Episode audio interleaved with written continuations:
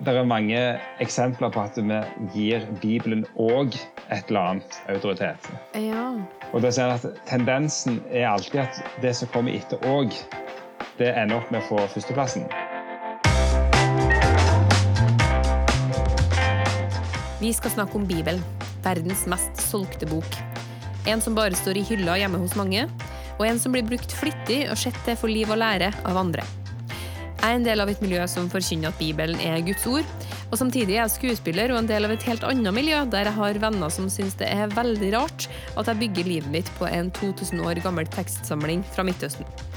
Jeg vil gjerne vite mer om hvorfor Bibelen fremdeles har autoritet og holdbarhet, sjøl i et moderne og opplyst Vesten. Derfor ble jeg av redaktør Arne Olav anbefalt å invitere Knut Kåre Kirkholm til sendepodden. Kristent Fellesskap er jo en menighetsbevegelse hvor lederne fastholder et konservativt bibelsyn, selv om det er en del andre frikirkelige miljøer som er i bevegelse i visse spørsmål. Og det er flere aktører i kirkelandskapet som vil ha det samme prinsipielle utgangspunktet som Kristent Fellesskap, sånn som bl.a. NLM, hvor dagens gjest kommer fra. Knut Kåre er teolog og jobber til daglig på Fjellhaug internasjonale høgskole i Oslo.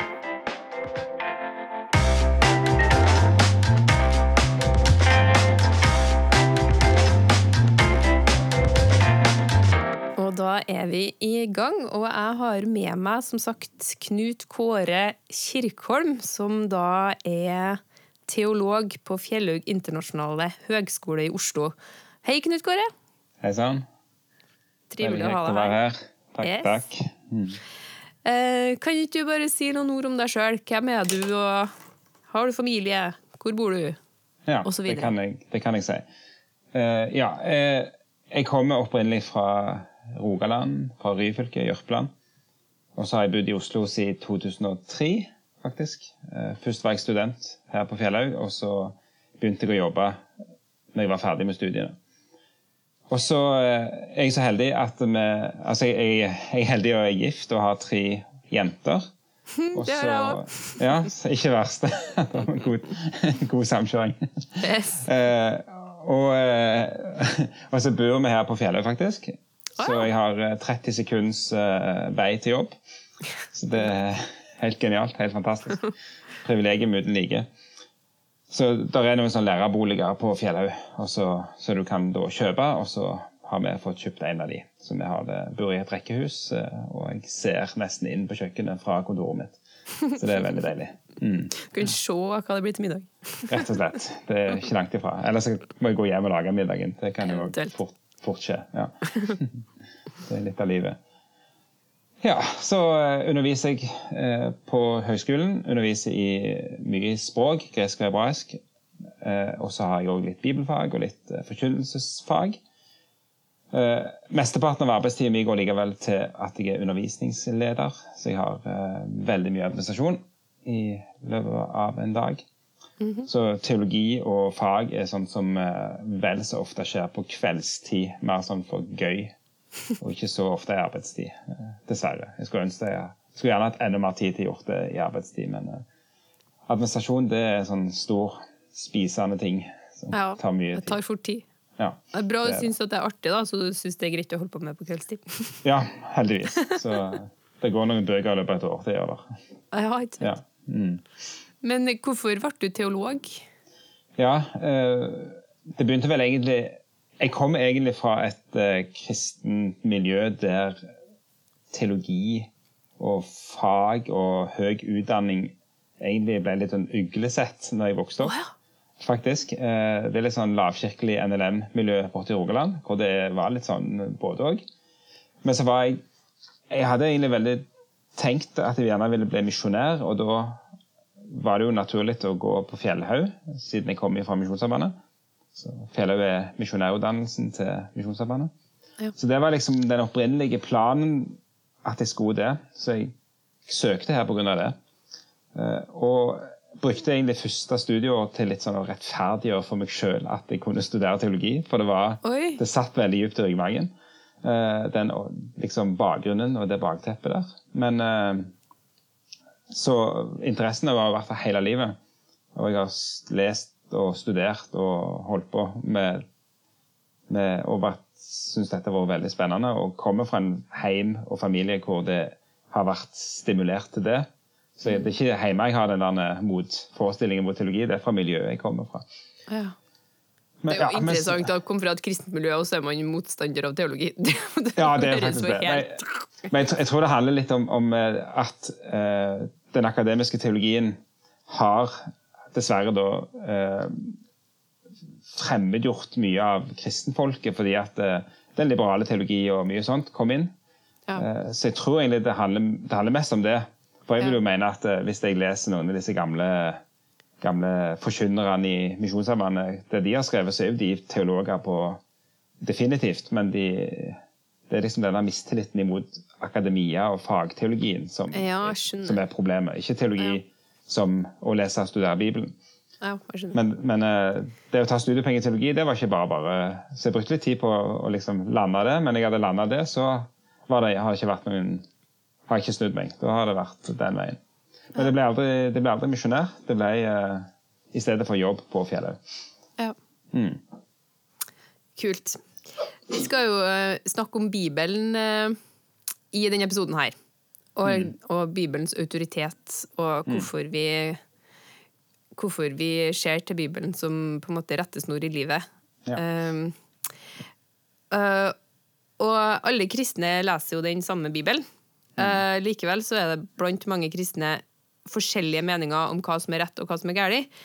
Eh, Men, men alle sammen går jo til den samme Bibelen for å få svar. og hvorfor er det så mange forskjellige meninger da? Ja. Det er jo et kjempestort spørsmål. Um, og vi skal jo eh, komme inn på det, men eh, for å ramme inn samtalen, så, så tenker jeg at det er lurt å snakke litt om hva Bibelen er først. Eh, så Knut Kåre, hva slags bok er Bibelen?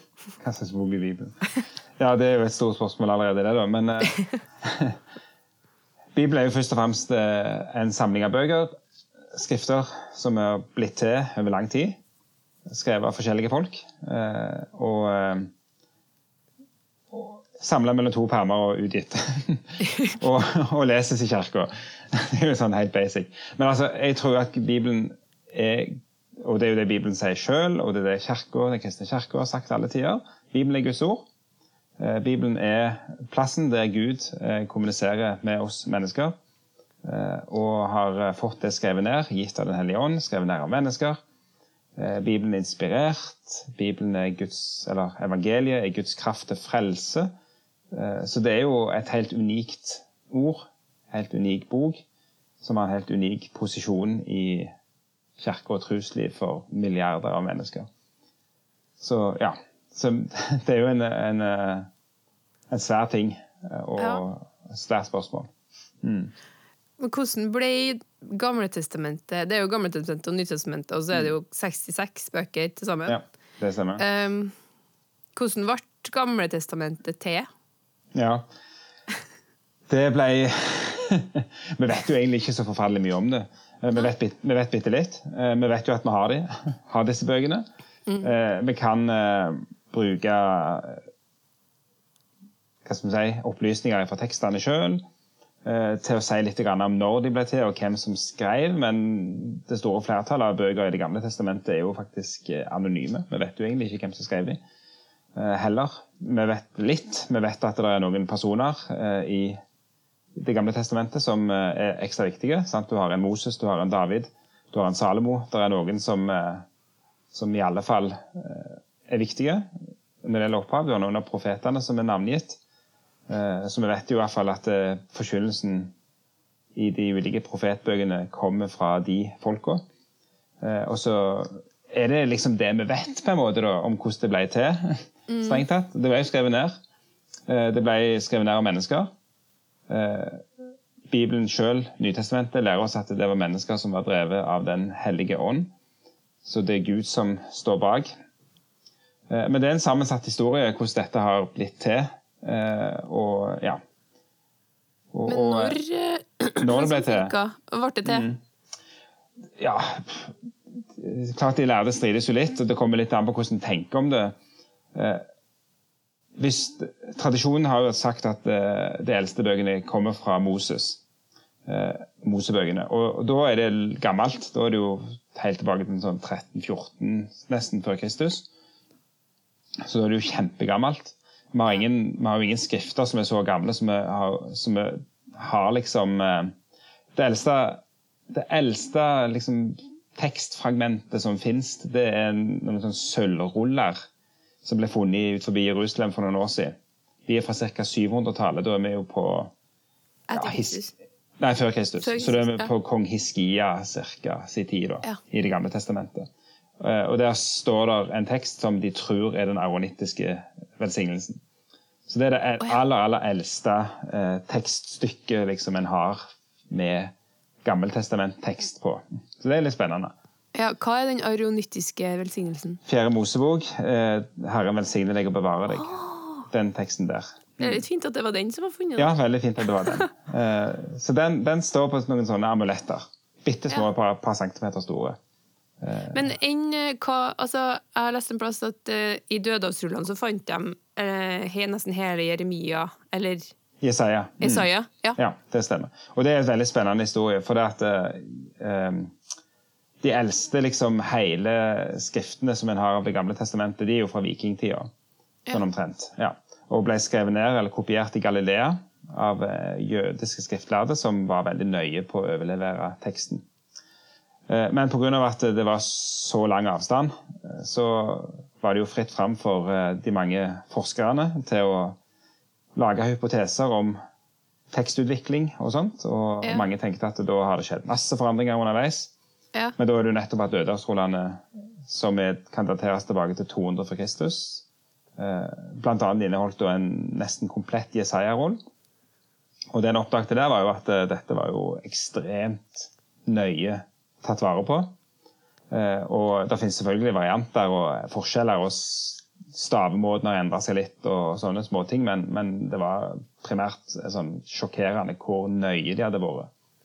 Så i all hovedsak så er liksom den rullen fra 200 før Kristus tilnærma helt lik det vi har Ja. i bibelene våre i dag?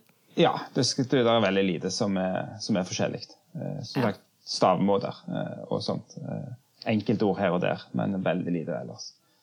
Det er jo Så- kjempeinteressant. Det er veldig interessant. Og, og det var jo det som også var spennende med det, var jo at det, disse rullene ble funnet på den tida der liksom forskningen var kommet til et punkt der en en god del forskere tok seg en del friheter når det gjaldt å foreslå hva det burde ha stått, på en måte, for å si det litt, for si det litt uærbødig. Ja. Men, men i, i min hebraiske bibel, så, som er måte den akademiske utgaven da, som jeg bruker, så er det det vi kaller for et tekstkritisk apparat, som angir varianter til tekstene. Og det som er veldig spennende, er at eh, hvis du ser før og etter dødehavsrullene, så vil du før dødehavsrullene finne at disse variantene først og fremst handler om redaktørens forslag til hva det kunne stått. Eh, mens det liksom slutter en jo med, fordi at en innså jo at det, så fri kan vi ikke forholde oss til dette lenger. Nei. Så det, det skaper en veldig stor endring i måten en tilnærmer seg eh, mye av disse gamle tekstene på. For at eh, en ser at nei, her har de vært veldig nøyaktige og overlevert det nøye. Så, så det, det er litt artig at det var sånn. Men eh, Gamletestamentet er det For jeg har lest en plass at Nytestamentet det er liksom det er så utrolig mange kopier, og som man har funnet veldig nært etter Jesu døde oppstandelse. Ja. Um, men er det det samme med Gamletestamentet? At man har veldig mange kopier Nei, av Nei? Ikke det, ikke i det hele tatt. Fordi at eh, Det tror vi skyldes at jødene Eller det er ikke bare tror, vi vet jo det. Eh, I synagogene og i eh, Der de hadde skrifter, skriftroller, så var de Dette, dette er jo veldig hellige tekster. Så du kopierte ikke dette i vilden sky, og du sprang ikke rundt og hadde det i lommene og sånne ting. Eh, Så de var laga i synagogen, og når en tekstroll var utslitt, så ble den enten gravd ned og sånn sett destruert, eller så laga de det i litt nærmest sånn gravkammer, holdt jeg på å si, altså for å rulle Altså sånn eh, Egne rom for å lage brukte ruller, da. Der er funnet noen av de, så det er en del tekstfragmenter basert på sånne enkeltfunn. Men det er ikke i nærheten av eh, Nytestamentet. Men det en har med Det gamle testamentet, er jo at det, det ble oversatt til gresk. Eh, det er jo verdenshistoriens første store oversettelsesprosjekt. Det er veldig interessant det òg, at det var Bibelen som ble gjenstand for det. Og det ble gjort i Alexandria i Egypt, og det er jo på ca. 200-tallet og framover før Kristus. Før eller etter Kristus? Før, før Kristus, ja. ja. At den begynte med det. Ja. Og Det er veldig spennende. og, og Det er en engelsk forsker som har jobba litt med det. og Hans tese er at eh, de måtte jo, de måtte jo finne opp oversettelseskunsten samtidig. altså De måtte ja. utvikle oversettelsesteori samtidig. Eh, så det du ser, er liksom at eh, går du til de eldste oversettelsene, så er de, det er det som heter Septuaginta. Ja. Ja. Og de eldste oversettelsene er ganske sånn relativt frie og litt sånn fortolkende. Men så ble de strammere og strammere eh, etter hvert som de nærmest utvikler mer oversettelsesteori og reflekterer over hva en oversettelse skal være. da. Ja. Men, men, det en finner da igjen, er at eh, de òg, altså de oversettelsene der, er jo òg i veldig stor grad samsvarende med den hebraiske teksten som en har. Eh, så en kan være rimelig trygg på at selv om det ikke er så mange varianter eller mange tekstutgaver som, og tekstfunn på Det gamle testamentet som det er på det nye, så er de funnene store nok og omfattende nok til at en kan være relativt trygg på at uh, dette er overlevert med, med nøyaktighet. Ja. ja. Kult. Og så mm. um, Det nye testamentet, da. Mm. Um, for det er jo Der har man jo veldig mange kopier. Ja, det har en. Tusenvis. Ja. Titusenvis. Ja. Og det, det hvordan, ble, hvordan ble det Nytestamentet til? Ja, eh, Der vet vi jo mye mer eh, enn ja. på, på, GT. Altså, det, kan jeg bare si det som, bare for å legge til en ting til på GT, så er det jo det, det her med skrivekunsten. Den, den, vokste jo fram. Eh, og det var jo særlig tempelet og hoffet som var plassen hvor skriverne satt. Så vi må regne med at alle, nesten alt som er skrevet ned i Bibelen i Det gamle testamentet, profetene og sånt, er skrevet av skrivere. Det beste eksempelet er egentlig profeten Jeremia, der du faktisk har en egen liten beretning om hvordan Jeremia får skriveren Barok til å skrive ned sine utsagn.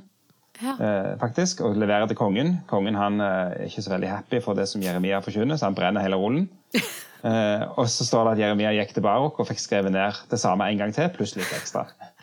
Eh, men da har du den prosessen. Da. Det er veldig interessant, for da ser vi at her, her, er profeten. Han har et budskap, går til en skriver og får det skrevet ned.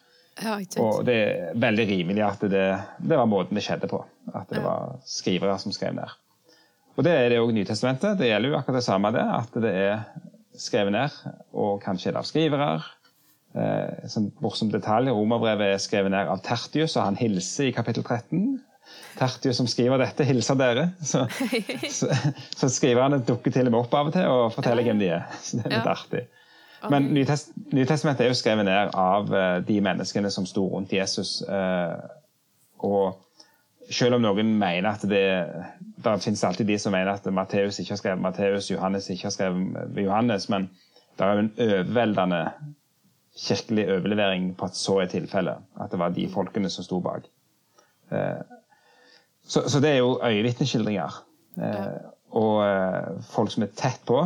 Så det er jo en og det vet vi. Og, det er jo alle funn som er gjort eh, av tekstfragmenter, eller mange av de funnene som er gjort, viser jo òg det, at dette er tett på. Eh, så her er det helt åpenbart eh, øyenvitner som har skrevet ned. Og det er Paulus som har skrevet ned. Og det er sant, disse folkene som utgir seg for å ha skrevet ned ting.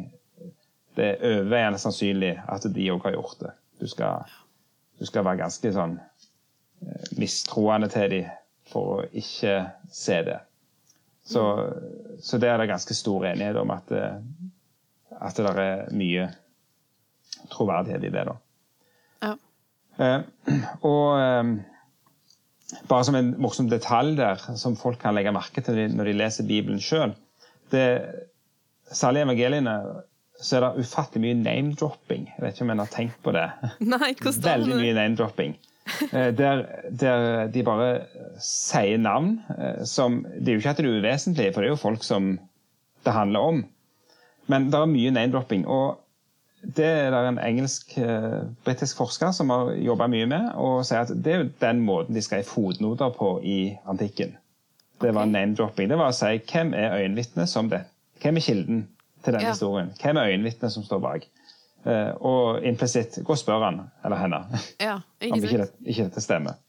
Så, så det, det er utrolig interessant, for det, det er så mange plasser der, der det er noen sånne navneopplysninger som er sånn Ja, gøy at det var med, men hvor relevant Hvorfor var det det, liksom? Ja, Ja. Og da er det, Nei, det, gå og spør. Gå og sjekk sjøl, liksom. Eh, Og det skal jeg begynne å legge merke til. ja, det er veldig kult. Og Paulus gjør det samme i Korinterne 15 når han snakker om oppstandelsen. Da snakker han om at Jesus ble sett av 500 brødre på en gang, og av disse lever de fleste ennå.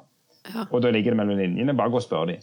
Ja, ikke sant? Ja. Så, så, så det, det, det Nytestamentet er veldig klart sjøl på i sin Altså Skribentene er veldig tydelige på at de er øyenvitneskildringer, og at øyenvitnen kan du gå og spørre. Ja. Så troverdigheten er sånn sett eh, veldig Han er jo egentlig veldig høy. Altså, så kan vi sitte her på vår høye hest i 2000 år senere og si at de er døde hele gjengen, så vi trenger ikke tro på dem lenger. Nei. Men, men altså, i antikken så var dette her eh, De var så sikre på sitt budskap at de var ikke redde for å droppe en haug med navn som folk kunne gå og spørre. Ja. Ja. Så det er litt artig ved det. ja, det er litt artig. Men er det ikke sånn at, at Nytestamentet har typ sånn, sånn seks ganger mer kopier enn Iliaden av Homer, eller er det ikke noe sånn der at, at det er bare helt sånn sinnssykt mye mer kilder til Ja. Nytestamentet enn det er til mye annet som vi tar for sant, på en måte? Ja. Det er helt vanvittig mye. Og, og en ting er antallet, en annen ting er hvor gamle de er. Ja, ikke sant? Ja, så det, det er helt overveldende. Det, eh, det, det er så Hva skal jeg si? da, det, Hvis du ikke kan tro på overleveringen av Nytestamentet, så er det overhodet ingenting fra antikken du kan tro på.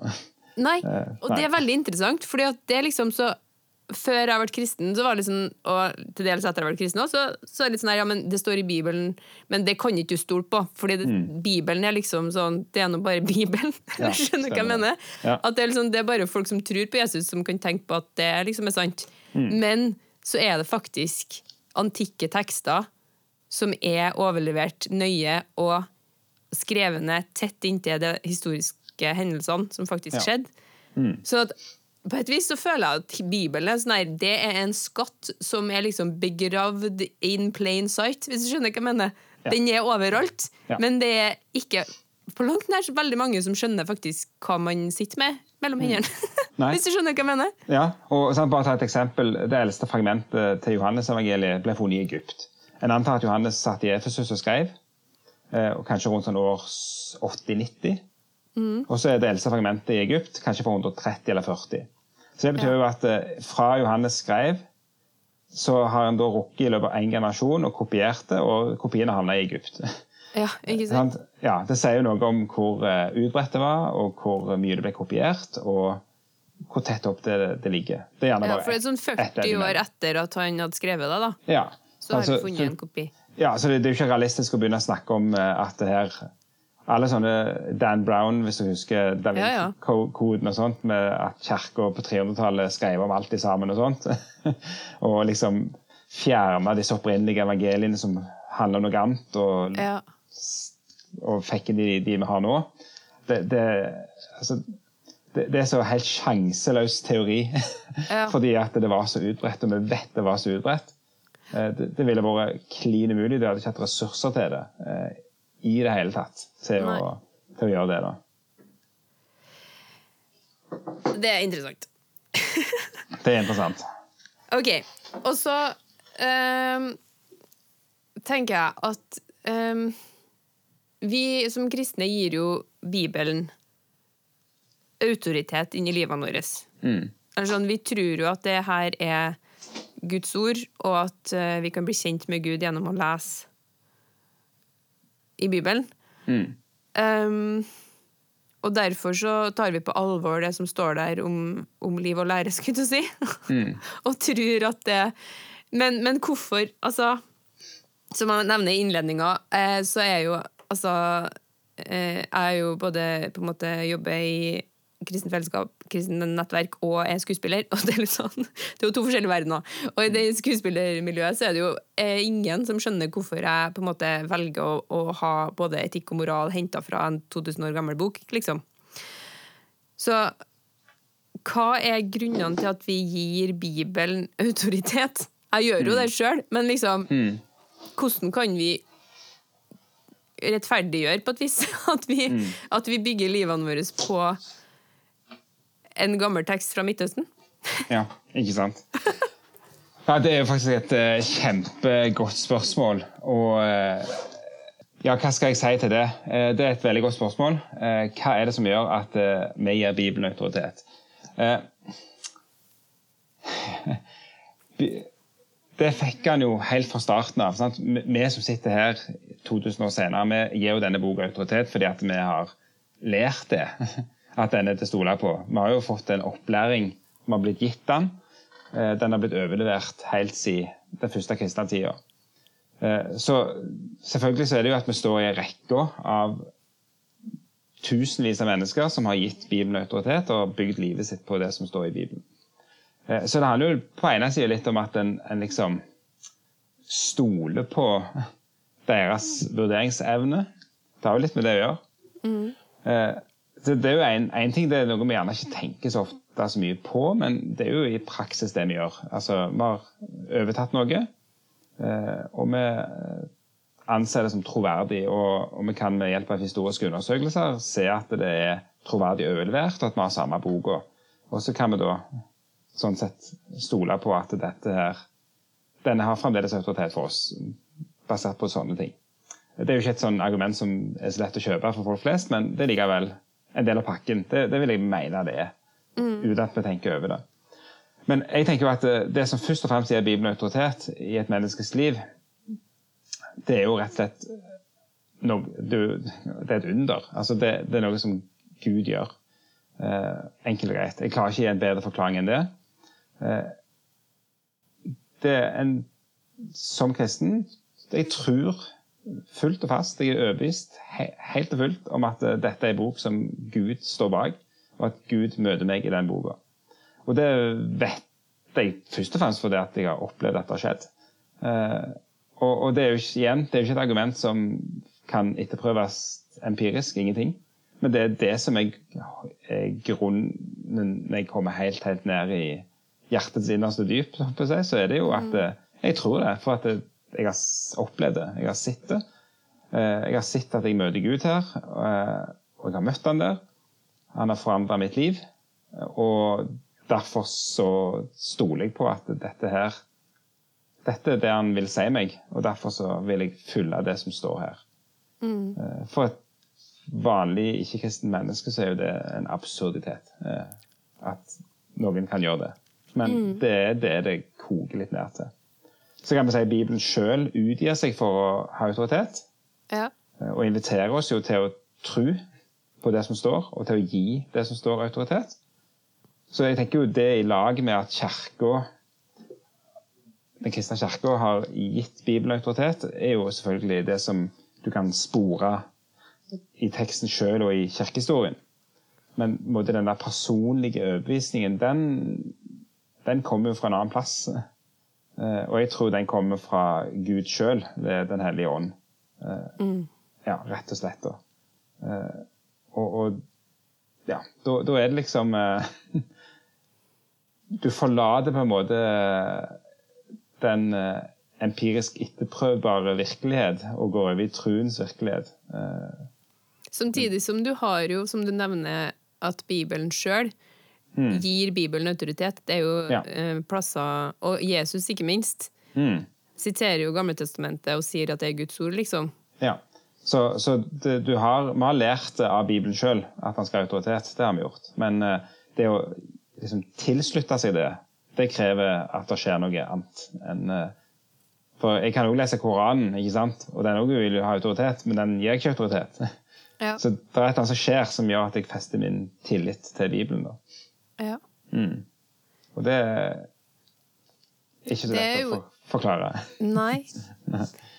Det er jo interessant, fordi at man kan jo på en måte lese seg opp på alle de her ytre, empiriske, på en måte historiske, etterprøvbare bevisene, eller ikke bevisene, ordentlige bevis, på at det er eh, tekster som faktisk ble skrevet, og som har blitt overlevert nøye, osv. Mm. Men så er det jo på en måte, som du sier da, bare Gud gjennom Den hellige ånd som kan som kan på en måte åpenbare seg til deg. Ja, Gjennom det. skape trua, enkelt og greit. Ja. Det, ja. Der skjer det et eller annet. Det er et steg til der. Det er et steg til, ja. Ja. Så jeg ikke helt klarer å sette på en formel. Men, Ja. eh, ja. Men likevel så er det sånn. Ja. Det tror jeg de aller fleste kristne vil si at det, det har skjedd et eller annet som gjør at de tror på dette. Ja, ja. Mm.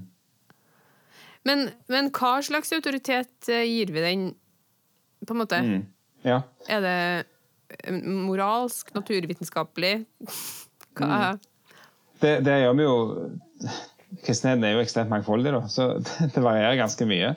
Ja. Eh, alle kristne gir Bibelen en moralsk autoritet. Det tror jeg er rett å si. Eh, det er nok, ja, I all hovedsak så vil jeg si at alle kristne gir Bibelen moralsk autoritet. Så det Bibelen sier om hvordan en skal leve, det vil de aller fleste kristne på en eller annen måte prøve å forholde seg til på et eller annet vis. Noen vil jo prøve å slippe unna det, men, og, og, men, men likevel så vil en på en eller annen måte forholde seg til det. Og så tror jeg det er også rett å si at uh, alle er en kristen, så har jo Bibelen en eller annen form for Det er ikke moralsk, det er jo en annen type autoritet, men, men det er jo liksom Det ligger en tillit eh, til at Bibelen har sagt oss noe om Gud, evangeliet, om frelsen i Jesus.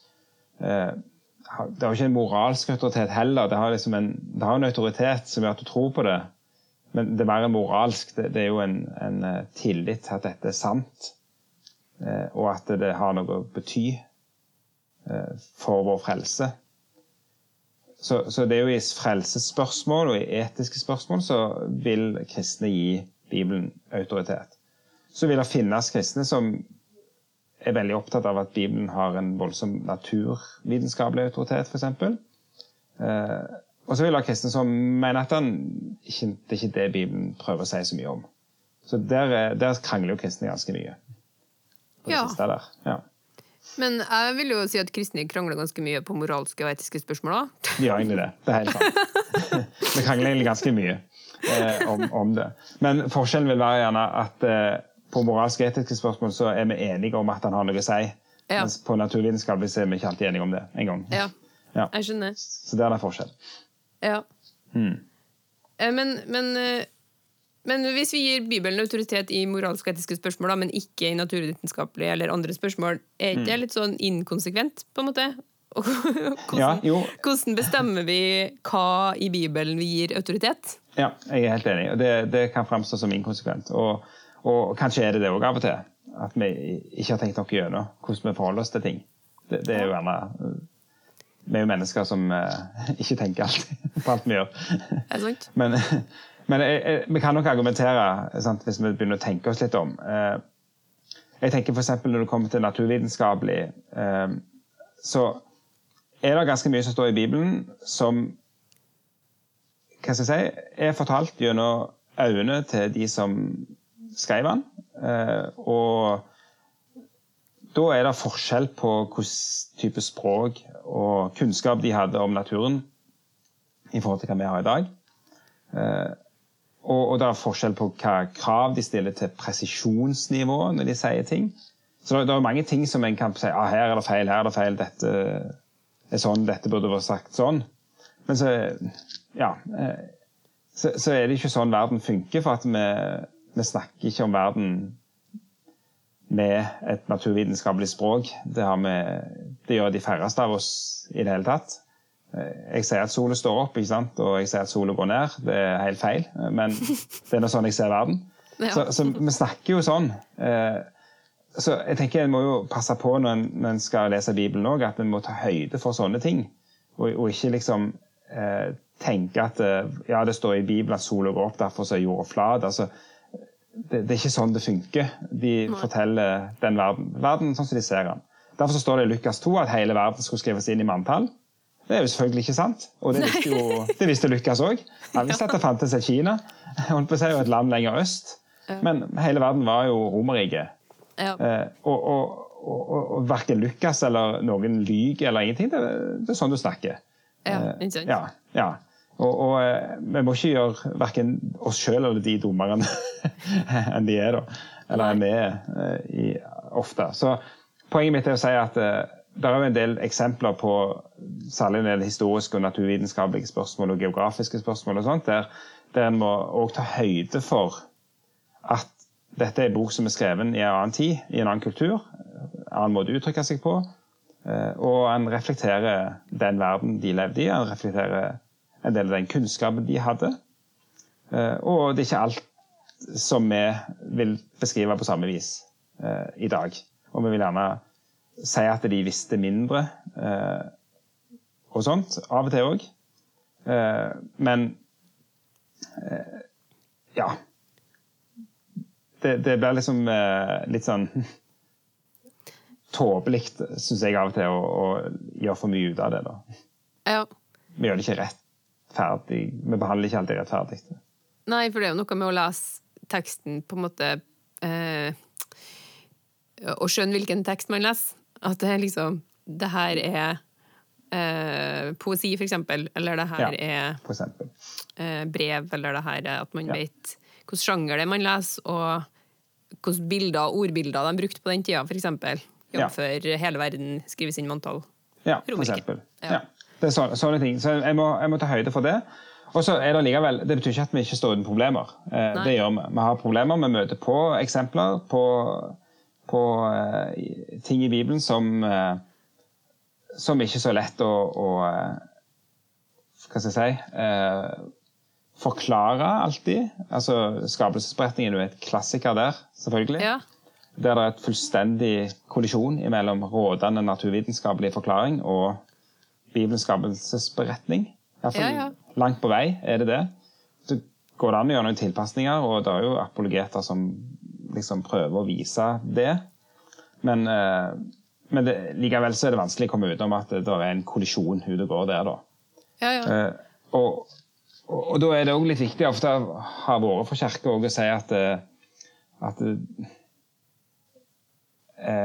det er ikke alt som, som jeg må vekte ting i Bibelen og si at det er noen ting som Bibelen har som sitt særlige intensjonsområde, og noe som er mindre innenfor dens intensjonsområde. Og, og, og, dermed så må en òg forholde seg litt til den forskjellen der. At Bibelen er først og fremst gitt oss som en bok som forteller oss noe om Gud og vår situasjon, vårt forhold til Gud, hva han har gjort for oss, hvordan han vil vi skal leve osv. Det er liksom det aller viktigste i Bibelen, og, og derfor vil en gi det mer autoritet enn å diskutere hvorvidt kong Hiskia regjerte så lenge eller så lenge. Altså, ja. Det vil være forskjell på hvor, hvordan en forholder seg til de spørsmålene. Det har alltid vært. Ja, for det, mitt neste spørsmål det er eh, dattera mi sitt, egentlig. Fordi mm. hun, hun, er sju år, blir snart åtte, og spør mm. meg ofte eh, mamma, er alt som står i Bibelen, sant? og så sier jeg sånn ja! Eh, for det kommer jo litt an på hvordan man definerer sant. Ja. Og så er det litt sånn, for eksempel skapelsesberetninga. Det er jo, jeg tror ikke at det er vitenskapelig sant, men de lærde strides jo om det òg. Men, eh, men å, å, begynne å diskutere liksom, hva er sannhet med en sjuåring, det kan jo være litt i overkant. Det kan men, vanskelig. ja, men uh, Hva ville du svart på det spørsmålet? Ja? Om alt er alt som står i Bibelen sant? Mm. Eh, jeg ville jo sagt ja, for så vidt. Eh, og så ville jeg jo forklart at eh, det betyr jo ikke at det betyr jo ikke at alt er i samsvar med sånn som du forventer det skal være. På et eller annet vis, da. Jeg har vært kverulant til å si at det finnes også eksempler på at Bibelen forteller om folk som lyver, og da er jo ikke det sant. At det, det er de sier når de lyver, men det blir kverulerende, da.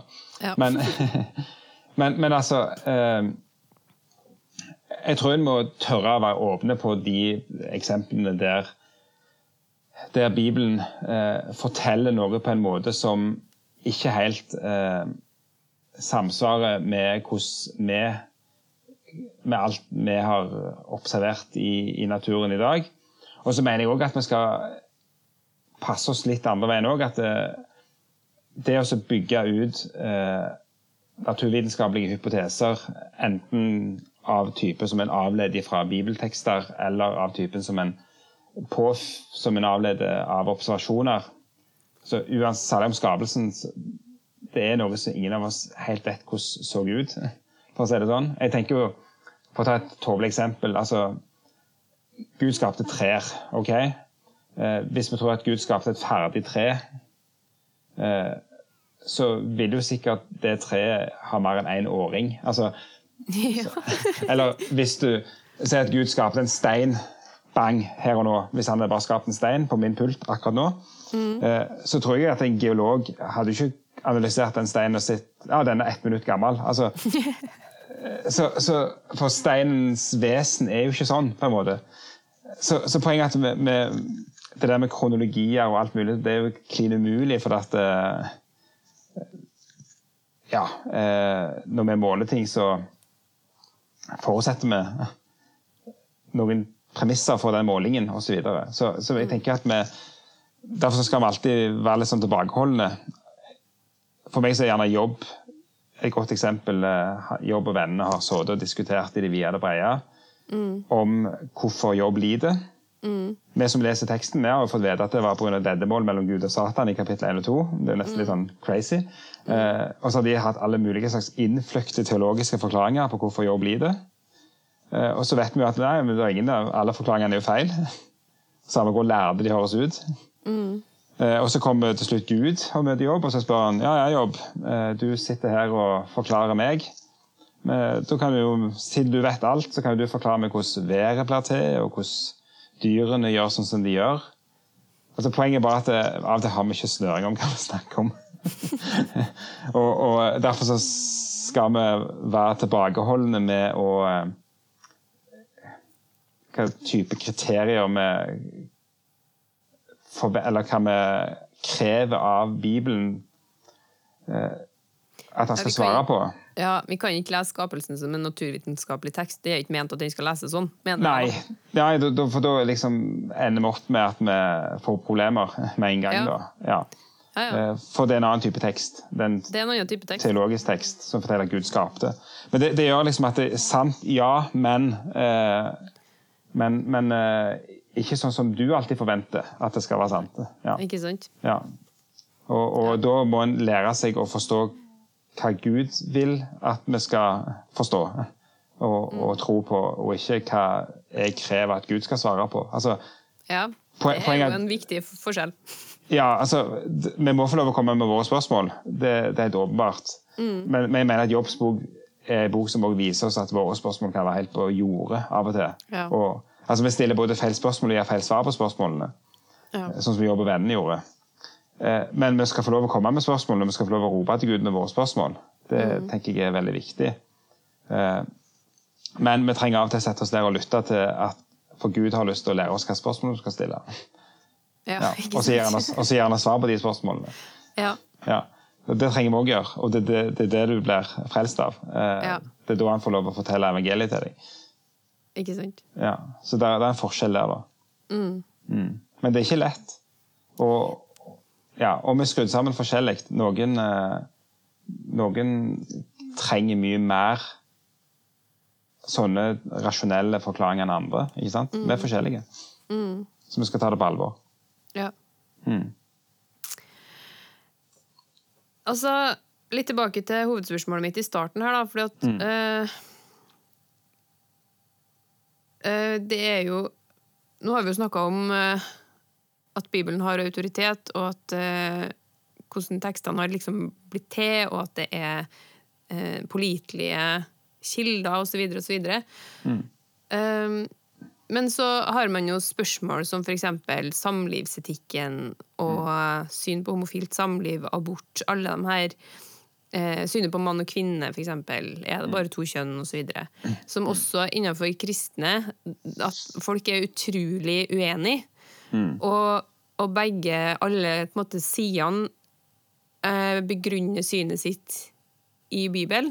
Delvis, i hvert fall. Og, og vil si, sannsynligvis alle man spør, uansett hvor de står, vil si at, at Bibelen har autoritet i livene deres.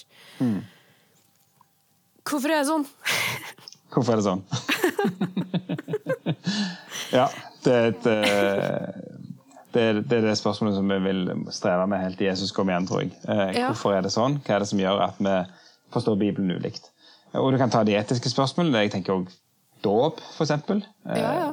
ja, altså, Barnedåp, dåp i Ja. vann, voksendåp. ja, Ja. alt det greiene der. Altså, folk som eh, er klin enige om hva de mener om Bibelen, krangler så fillene fyker om f.eks. et så sentralt spørsmål som dåp Ja. eller nattvær. Så, ja, så, så, det, så, så her er det helt åpenbart at vi, vi strever som kristne. Og eh, hva er svaret, hva er løsningen? Eh, løsningen er vel at det der ikke vi, vi kommer ikke i mål med dette. her. Eh, vi kan jo slå hverandre i hjel, holdt jeg på å si. Det det går an. De Ikke særlig bibelsk. Nei, men altså, på en måte så var det jo Religionskrigene på 1500-1600-tallet var jo nesten det. Altså, det funker ikke. Det går ikke an å slå hverandre i hjel.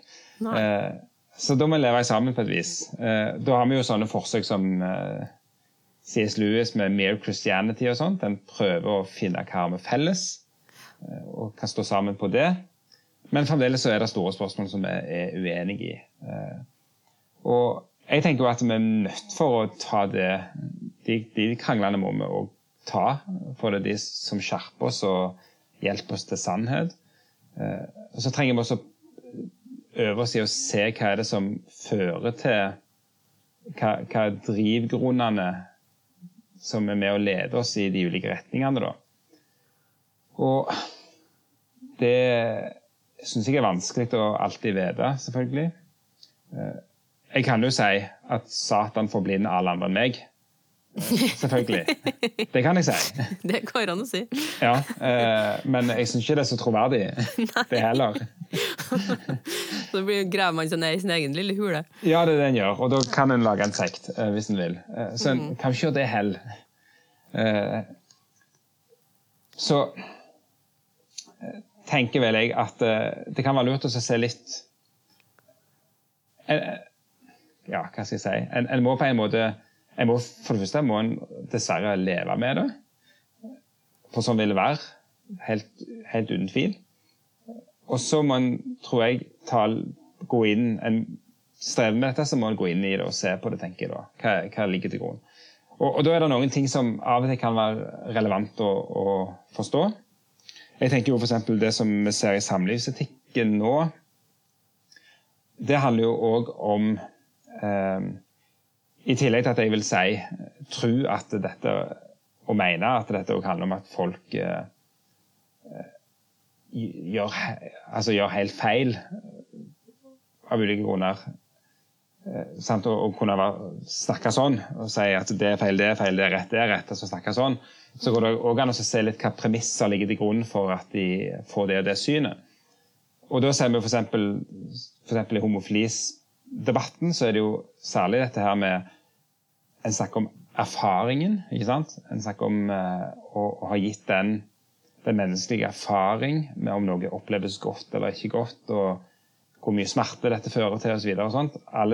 Det har fått en veldig autoritet. Og, og da kom vi inn på en sånn ting som en lærer jeg hadde snakket om, nemlig ågets teologi. Oi, Eh, hva betyr det? det? er- mange eksempler på at vi gir Bibelen òg et eller annet autoritet. Ja. Og da ser jeg at Tendensen er alltid at det som kommer etter òg, det ender opp med å få førsteplassen. ja, ikke Ja. sant? Og, og det kan du liksom se under hele historien, uh, at det ofte har gjort det. Og det har for meg vært en litt sånn grei ting å være oppmerksom på. At uh, det er noe som heter Ågets teologi, og en skal være skeptisk, kritisk til Ågets teologi. Iallfall for meg som har min, min protestantiske og lutherske overbevisning. Så vil jo jeg si at det, det skal være motsatt. Det skal være Bibelen som overprøver Åget, på en måte. sant? Det som kommer etter Åg, det må ses i lys av Bibelen. Men det som ofte skjer, er at det blir motsatt. Bibelen blir sett i lys av det som kommer etter Åg. Og så får det som kommer etter òg, hovedautoriteten. Og det gjør jo at da, da får jo erfaringene, historiene, f.eks. til de homofile, det får mer vekt enn bibelteksten. eh, Og vil bli styrende i mange tilfeller. Ja. Og, og, ehm, men, men jeg gjør det samme sjøl, selv, selvfølgelig. Altså I, i dåpsspørsmålet, f.eks., så, så vil jeg si at eh, eh, jeg vil jo tro at Bibelen sier noe om det, som jeg tror på. Men jeg vil òg bruke som argument at kirka har, har, liksom lært alltid, eller langt nok tilbake, at dåpen er et gjenfødelsesmiddel, f.eks. Mm. Eh, og, og, da vil jo det som kommer etter òg, Bibelen og tradisjonen, ha litt å si. Eller Bibelen og bekjennelsen. altså Det som Kirka har trodd om dette og formulert, og det som våre fedre har sagt, liksom. Mm. Det vil jo gi en autoritet. da. Og, og, og da må jeg òg tørre å, å, spørre meg sjøl hva er forholdet mellom de to, da? Ja. Hvordan forholder jeg meg til dette? Er det at jeg ender nå opp med at jeg lar Åge bestemme? Eller det som kommer etter Åg? Tradisjonen, overleveringen, lar jeg det bestemme, eller lar jeg Bibelen bestemme?